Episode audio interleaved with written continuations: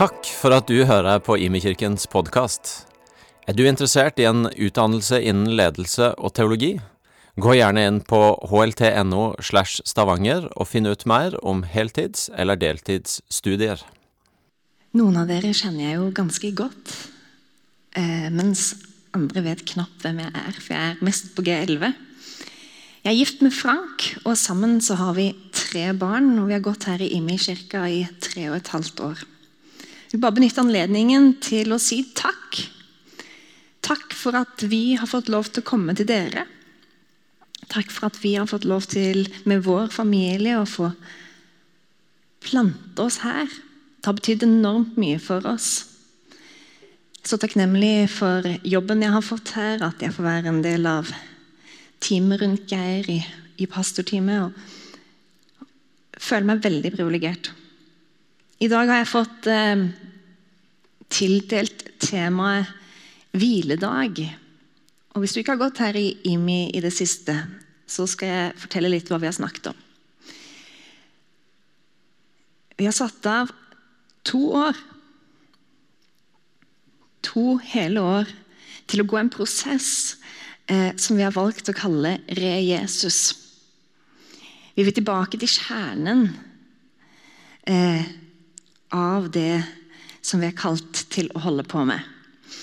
Og I det så har vi bestemt oss for ti praksiser som vi ønsker å utforske nærmere eh, over disse to årene. Eh, og i vekslingen der mellom å utforske ti forskjellige praksiser, så skal vi òg innom og studere Lukas evangeliet. Det blir spennende to år. Nå er vi inne i en tid der vi snakker om hvile. Egil Elling begynte, og så overtok Geir, og så nå er det min tur i dag. Og um, jeg har da altså fått oppgaven av å lede oss inn i noen refleksjoner rundt hviledag. Og det fine, syns jeg nå, som jeg ble minnet på da Martin avsluttet sånn som han avsluttet lovsangen, det er at eh, hvilen, det er et Eller hviledagen er for meg et veldig sterkt eh, symbol på hvordan ting var ment til å være. Og et sterkt, sterkt rykte om hvordan det en dag skal bli. En evig hvile det er hviledagen for meg et, eh, et sterkt tegn på. Og så er det mye annet også som vi skal snakke om i dag. Jeg har det siste året prøvd å eksperimentere. Jeg har prøvd og jeg har feilet på å leve livet saktere. Det begynte med at jeg hørte en podkast som het eh, Fight Hustle and Hurry av John Mark, Mark Comer og Jeff Bethke. Og den eh, speila meg, for å si det sånn. For jeg har nok vært kjent for å leve et relativt eh, travelt liv. Jeg har hatt mange jern i ilden, og det har jeg fortsatt, og det trives jeg med. Eh, men det var noe i den podkasten som gjorde at hm, jeg har lyst til å leve saktere. Jeg har lyst til å komme inn i mer av dette med hvile. Og Derfor var det så spennende at et av de første møtene jeg fikk være med på da jeg begynte å jobbe her, var hvordan kan vi planlegge hvordan å undervise inn i dette temaet. Så jeg følte liksom, ja, fint at jeg hadde fått i hvert fall gått noen tanker på det, på det før. Han ene i den eh, podkasten, han, uh, han har også skrevet en bok eh, som jeg har lest, og flere av dere har lest, 'The Ruthless Elimination of Hurry'. Der han tar et oppgjør med Og det var det, kanskje det som traff meg, det at, at eh, det er ikke forenlig å leve veldig travelt og et veldig modent, sunt kristent liv. Det er noe uforenlig med det. Eh, det er noe vi går glipp av. Det er noe vi ikke helt eh, helt får til. da. Og Det har utfordret meg, og jeg har prøvd og jeg har feilet. Er det noen av dere som har tatt Egil Ellings oppfordring om å stille dere i den lengste køen på Rema? Bare for å liksom kjenne på at du har roen til å stå der. Noen som har prøvd? Jeg har prøvd. Det er en underlig følelse. Det anbefales. Det gjør noe med oss å senke tempoet noen ganger. I hvert fall når du blir minnet på å legge deg i den høyre fila på motorveien istedenfor den venstre når du har litt dårlig tid, men du kjenner du har lyst til å bare puste litt i magen og tenke nei, jeg behersker meg og tar det litt rolig akkurat nå. Sånne morsomme ting jeg har holdt på med det siste året. Eh, og selvfølgelig mange flere ting. Eh, jeg skal gå inn i en tekst i dag, men før det så har jeg lyst til å så eh, ta dere med eh, til noe som skjer i andre Mosebok. Eh, som jeg ble minnet på å dele før jeg skulle dele dagens tekst. I andre Mosebok så er vi nå kommet til det stedet der hvor Moses skal få de ti bud for andre gang. Første gang.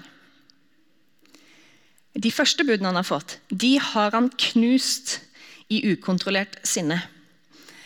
Og nå er Gud i ferd med å gi han de gang nummer to. Han vet ikke ennå, men han er i ferd med å få det i gang nummer to. Og like før det så sier Gud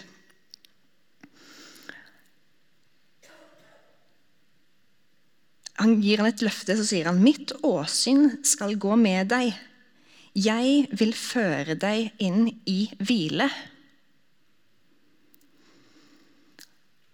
Og det oppstår noe i Moses i den situasjonen der. En ekstrem trang etter å vite hvem er Gud.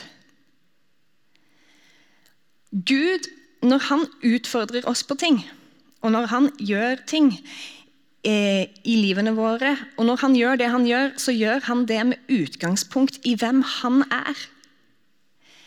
Når Gud gjør noe, så gjør han det med utgangspunkt i hvem han er, og han, eh, hva som er viktig for han.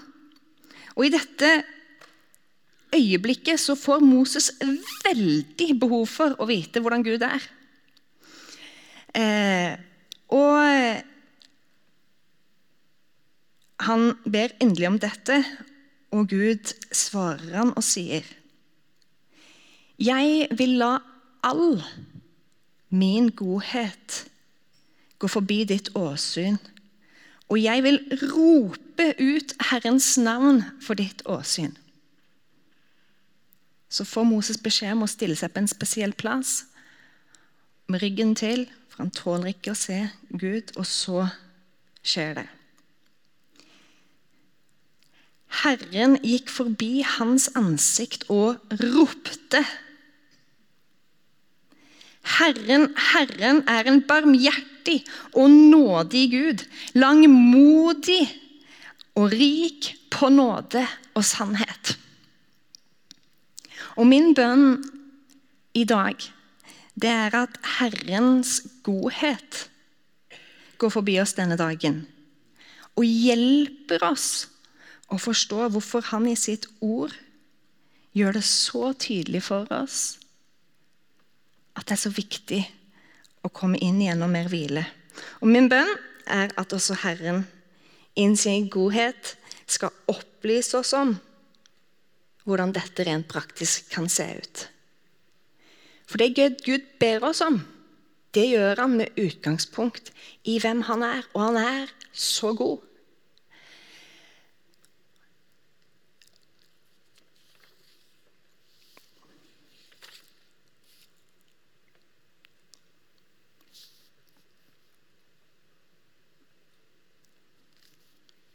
Det var akkurat som jeg ble minnet på det i dag før jeg skulle tale. at Man tror ikke noen trenger å høre eh, om hvordan Gud er, og hvorfor han gjør det han gjør, før vi får på en måte instruksjonene som han gir oss.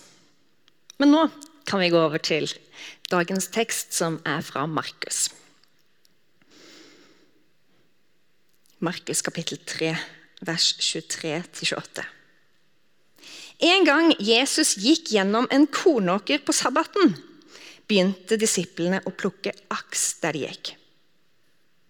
Da sa fariseerne til ham.: Se der, hvorfor gjør de det som ikke er tillatt på sabbaten? Han svarte. Har dere aldri lest hva David gjorde da han var i nød, og både han og mennene hans sultet? Han gikk inn i Guds hus den gang Abiatar var øverste prest og spiste skuebrødene som bare prestene har lov til å spise. Han ga også til dem som fulgte ham. Og Jesus sa til dem.: Sabbaten ble til for menneskets skyld, og ikke mennesket for sabbatens skyld. Derfor er menneskesønnen herre også over sabbaten. Da jeg eh, leste dette, så stoppet jeg opp ved det disse fariseerne sier til den gjengen som går i kornåkeren. Det er altså en gjeng som følger Jesus, og så er det en gjeng som observerer. Vi mennesker vi har en lei tendens, litt sånn som disse fariseerne, til å dømme hverandre og legge til regler og bud. Det har jeg gjort, og jeg er helt sikker på at dere òg har kunnet falt for fristelsen av å gjøre det. Bare legge til liksom, men sånn bør vi da egentlig gjøre det, men sånn bør vi ikke gjøre det. Eh, og her er det en gjeng som blir observert og dømt. Og jeg tror at en del av oss, langt fra alle, men en del av oss kanskje spesielt den generasjonen som er over meg, har opplevd mye fy-fy i forbindelse med hviledagen. Ikke gjør det, gjør det. Å, gjør du det? Det er hviledag. Disse disiplene blir anklaget for å plukke aks. Vi har hatt mennesker i Norge som mener man ikke skal plukke blåbær på søndagen det er å gå for langt. Regler som kanskje i sin tid var både logiske og godt ment, men som nå virker veldig snevre. Jeg husker selv som barn jeg var på besøk hos en venninne. Og skulle vi spille kort på søndagen? Det var jo ikke greit. Jeg forsto ingenting. Kort det var jo noe av det gøyeste min familie gjorde når vi hadde fri og skulle kose oss, spille kort sammen. Jeg visste ikke at det hadde en bakgrunn i, i, i kirkelige miljøer eh, den, for en stund siden, og at det handla om liksom et sånt uh, usunt forhold til gambling. og eh, Noen mente kanskje det gikk i forhold til eh, sånn eh, tarot card, sånn at du er synsk eller noe sånt. Jeg hadde ingen anelse om det. For meg var kortspill kortspill. Det var gøy. Det var vri åtteren. Eh, og så er det sånne regler som oppstår, eh, som er godt ment. For en tid, kanskje. Og så kan de ha gitt noen en bismak i forhold til dette med å ha en hviledag. Jeg håper at i dag så får vi mer, eh, mer smak. Det håper jeg. Det har oppstått noen teologiske diskusjoner om hvorvidt dette er et bindende bud, dette her med at vi kristne skal holde hviledagen hellig. Eh, jeg skal ikke gå inn i noen sånn teologisk argumentasjonsrekke på, på om det er bindende eller lurt eller sånn eller sånn. Jeg har lyst til å bare peke på hva Bibelen sier om, eh, om dette, som har vært gode grunner for meg, og som har gjort at jeg har valgt selv i mitt liv å ha en hviledag.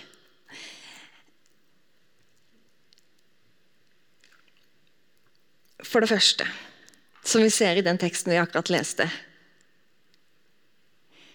Her står det at hviledagen, eller sabbaten som den blir kalt her, ble til for menneskene. Ble den til for meg? Jeg vil ha den!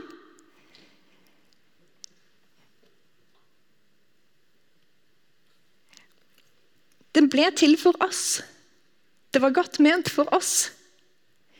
Gud i sin godhet og med utgangspunkt i hvem han er, ga den til oss. Jeg vil ha den. Jesus, han holdt sabbaten. Gud han hvilte selv da han hadde skapt verden. Brukte seks dager på det, og så brukte han en hel dag den syvende dagen på å hvile. Jeg vil lære han.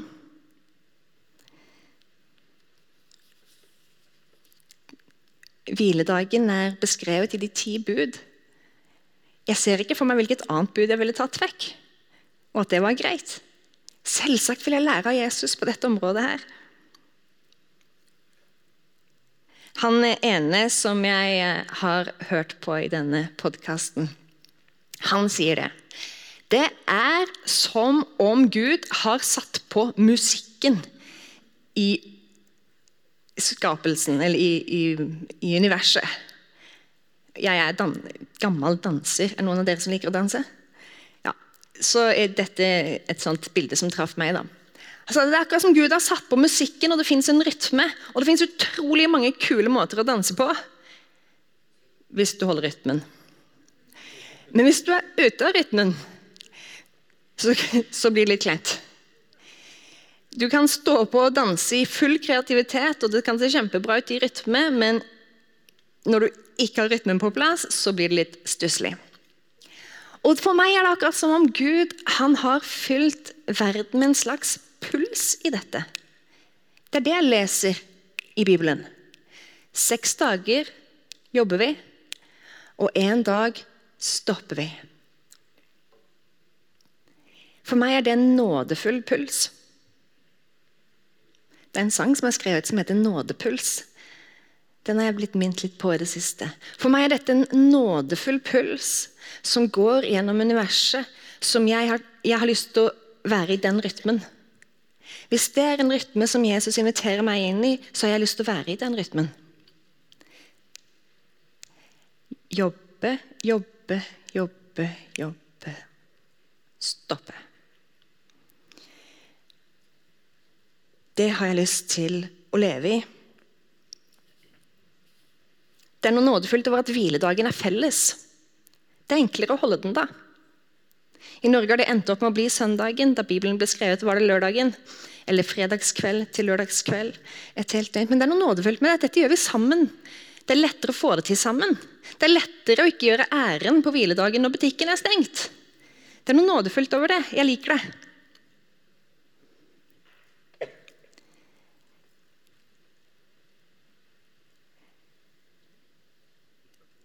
Jeg har lyst til å holde hviledagen fordi jeg har lyst til å vare. Jeg har lyst til å være en som varer. Selv har jeg smertelig erfart hva det vil si å bli fullstendig utbrent.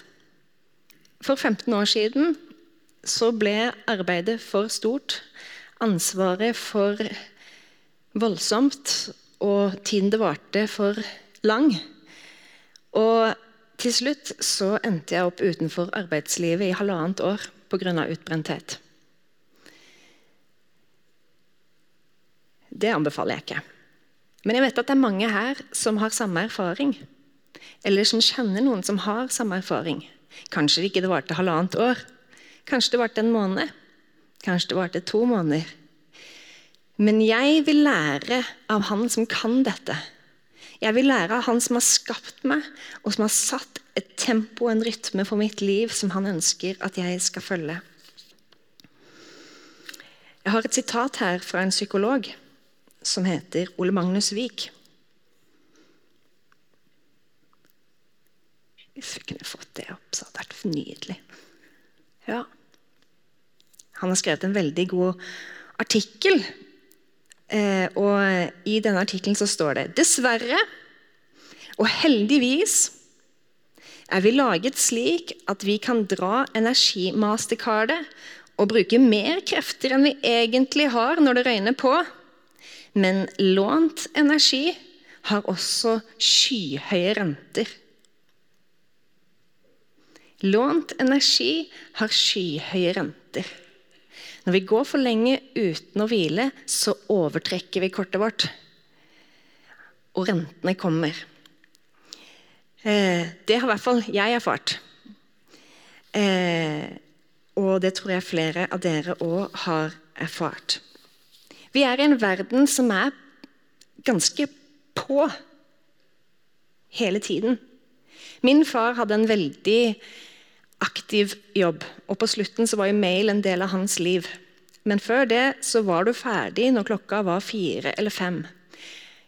Nå for tiden så er vi på hele tiden. Eller vi kan være på hele tiden. Butikkene er åpne lengre.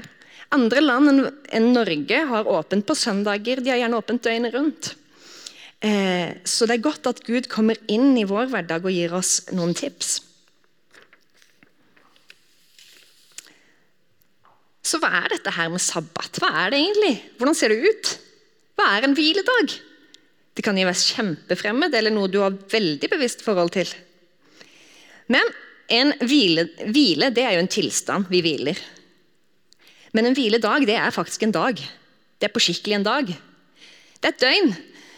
Eh, I Bibelen så går den fra fredagskveld og til lørdagskveld. Og så har det vært en utvikling i Europa som skjedde de første årene, rundt 300 år kanskje, at det ble søndagen. Eh, og Jeg tror det viktigste her er at det er hver syvende dag, ikke nødvendigvis akkurat hvilken dag det er. Men det er en dag. Det er en helt fysisk dag. Eh, og det er en dag der vi stopper. Sabbat betyr stoppe. Skal vi se Jeg leste nettopp en bok, og der var den ene overskriften i det ene kapitlet 'Det meste forblir halvferdig'. Veldig provoserende. Noe så ubehagelig å skulle erkjenne. Thomas Judin er det som skriver det i eh, 'Mens du hviler'. Det er noe med å erkjenne at nå bare stopper vi, selv om det ikke er ferdig. For det meste blir ikke helt ferdig. Det er alltid noe det går an å gjøre i tillegg, er det ikke det? Det er alltid én ekstra ting det går an å få gjort før man setter seg ned. Og Han skriver også det at eh, det er, ingen, det er bare én ting som er vanskeligere enn å begynne, og det er å stoppe. Eh, men det er noe fint det med den bråstoppen. Nå har vi gjort, vi har gjort, vi har gjort. vi har gjort. Kom ikke lenger, vi tar pause. Det er noe fint med den bråstoppen. For det kommer aldri til å passe helt. Så det er fint at det, det skal skje den dagen.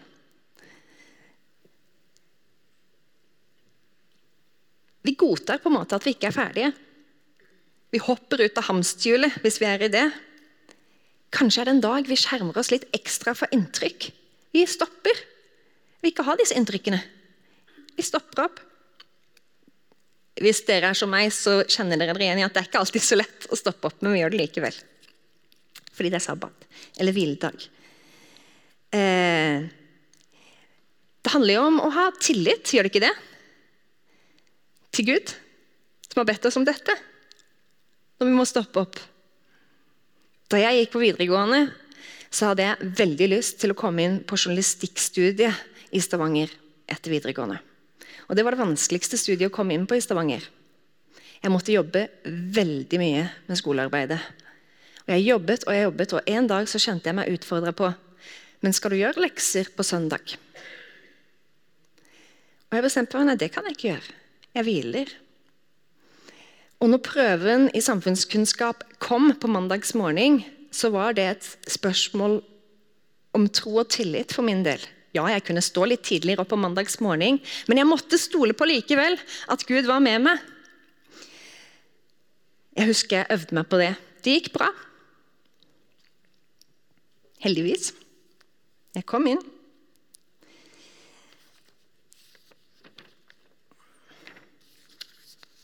Vi stopper opp, og så hviler vi.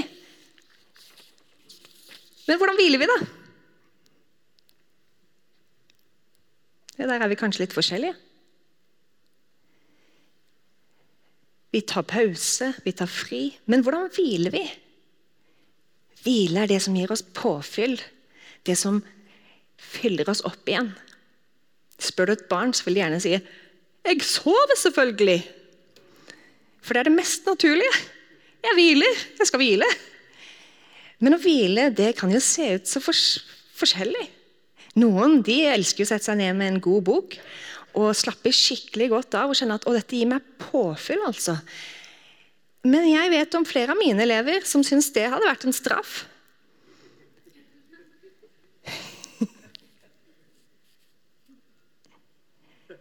La oss være kreative her og kjenne oss selv og kjenne Gud og ta imot den invitasjonen han gir oss til hvordan vi kan eh, hvile.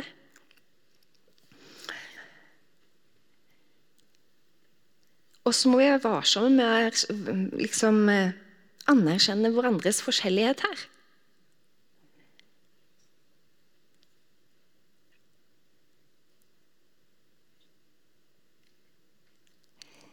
Hviledagen er en dag vi nyter. Eller bør nyte. Det er ikke sikkert vi nyter, men vi bør ha en sånn dag vi nyter. Jeg tror Bibelen, Det Bibelen sier om hviledag, inviterer oss til å nyte. Det står noe om at uh, sabbaten skal være vår lyst. Åh, Tenk hvis sabbaten, eller hviledagen som jeg liker å kalle den, tenk hvis den kunne være den dagen i uken vi faktisk gledet oss mest til. Det har jeg lyst til for min familie, at det skal være en sånn dag vi gleder oss mest til. For da skal vi gjerne gjøre det, vi skal spise det, vi skal treffe de, vi skal slappe av, vi skal være med hverandre. Vi skal ikke gjøre det, men vi skal heller gjøre det. Og når jeg sier sånn, så kan det være du får noen bilder i hodet av at du hadde hatt lyst til å nyte den dagen der, som innebar hvile for deg. Hva inviterer Jesus deg til? i sin godhet. Åh, dette er dagen, folkens, der vi kanskje deler måltid, pleier vennskap, gjør noe hyggelig, omgir oss med noe vakkert.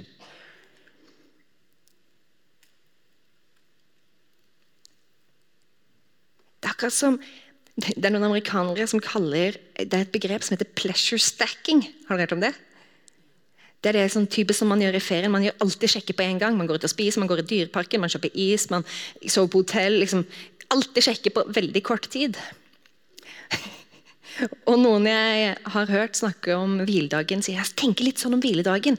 Den dagen har vi god middag, den dagen har vi dessert. Eh, den dagen drar vi til bestemor og bestefar. Eh, den dagen gjør vi sånn eller sånn. Eller den dagen gjør vi i hvert fall ikke sånn. Den dagen gjør vi ikke husarbeid. Den dagen sitter ikke pappa og ser på mail.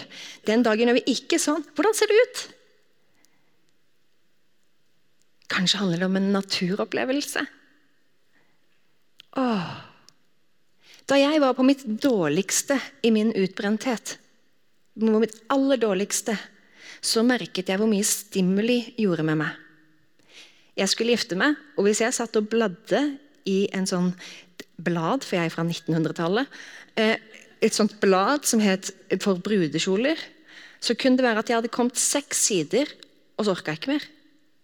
Det ble for mye stimuli. Hjernen min tålte ikke mer enn seks bilder av brudekjoler. Det var nok.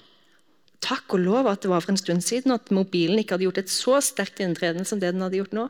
Men det som hjalp, det var å si se ut vinduet, se på et tre og bladene som blåste, og takke Gud for skaperverket. Det gjorde noe med sjela mi. Det er ikke sikkert det er helt likt for deg, men stimuli gjør noe med oss. Hva har vi lyst til å ha av stimuli på en hviledag? Er det ikke nettopp det å komme sammen, treffe hverandre, feire gudstjeneste, tilbe? Kjenne på Guds nærvær. Kanskje det er det stimuli vi trenger på en hviledag. Stimuli av å treffe en god venn, treffe søskenbarn, slenge beina på bordet, ha timene foran seg koke ny kaffe. Jeg skjønner jeg blir i godt humør av å tenke på det. For sånn hadde vært en fin hviledag for meg. Men hvordan ser det ut i ditt liv? Hva hadde du likt? Denne dagen Gud har satt av for oss til å hvile og nyte, tilbe og feire.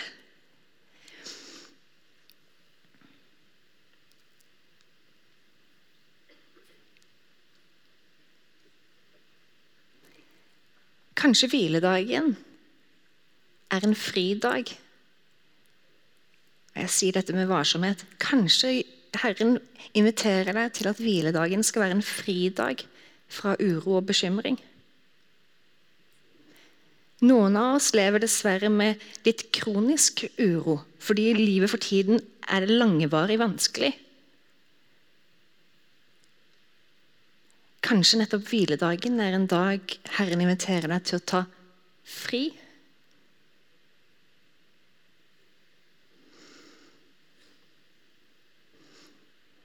En dag vi feirer at frelsen er oss gitt.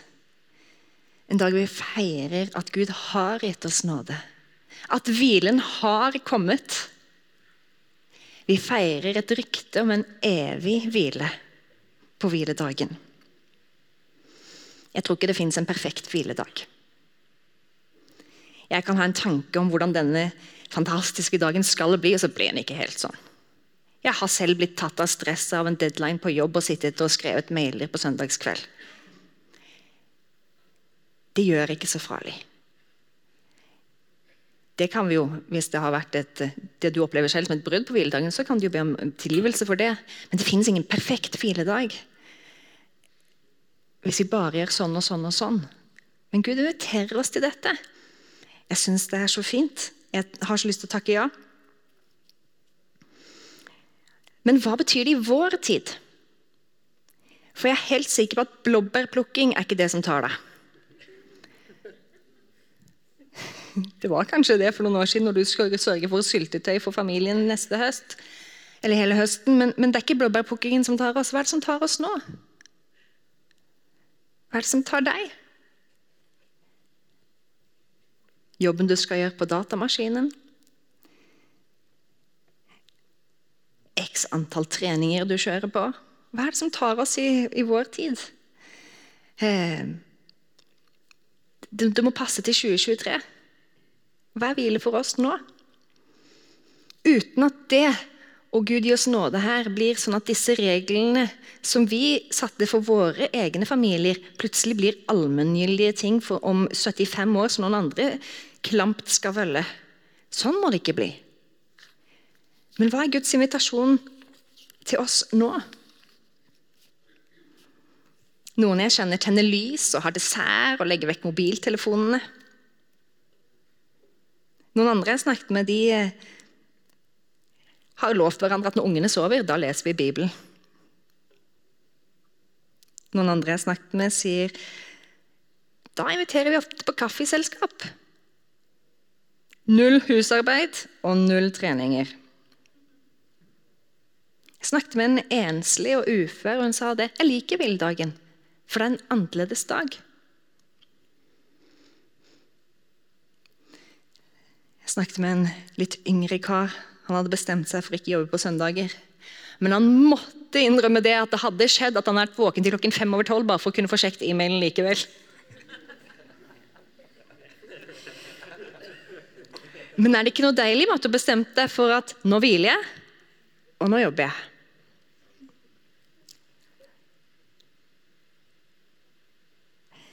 Jeg snakket med en gutt på tolv år. Han sa det at eh, Jeg spurte hva ville du gjort hvis du fikk en hel dag fri til å slappe av og gjøre det du ville. Jeg ville lagd meg noe god mat, så ville jeg binge en hel Netflix-serie. Så sa jeg ja, men hvis det eneste regelen var at du ikke skulle være på skjerm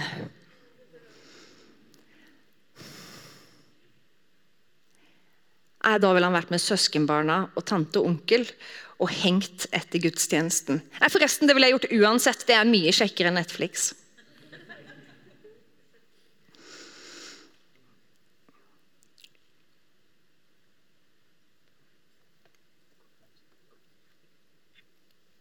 Jeg snakket med en god venninne for en stund siden. og Hun sto i en ekstremt krevende situasjon. Skulle hun velge døden på en måte følte hun trengte veldig hvile, på den andre måten hadde hun lyst til å være med på noe veldig viktig. Hva skulle hun velge?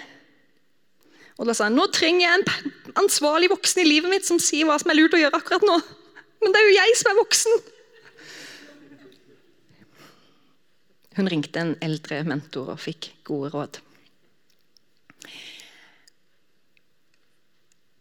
Gud ønsker med sitt ord å være en sånn ansvarlig voksen stemme, tror jeg, inn i våre liv. Vår hyrde. Vår far. som sier nå, nå bør du ville deg. Det tar jeg ta imot. Vi skal reflektere litt over hva Jesus inviterer oss til i vårt liv når det gjelder hviledag. Og Da tenkte jeg at jeg har lyst til å be en bønn som en avslutning på talen min. Og så tenker jeg at vi går inn i å høre på en sang som heter 'I'm Not In A Hurry'.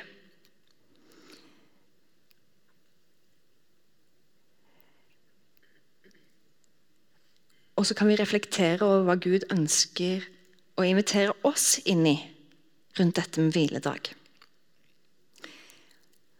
Jeg vil bare avslutningsvis si en så fantastisk setning, noen setninger ifra, fra Det glemte jeg, fra Salme 23. Hør på dette. I lys av hvilen. Han lar meg ligge i grønne enger. Han leder meg til hvilens vann. Han fornyer min sjel. Takk, Gud. Far i himmelen, jeg takker deg for at eh, du ønsker at vi skal leve liv som ærer deg, og som varer. Der vi har det godt med vår egen sjel. Og det ønsker vi å lære mer av. Og vi ønsker å invitere deg til å lære oss i dette, sånn at dette kan bli noe fruktbart i livene våre. Amen.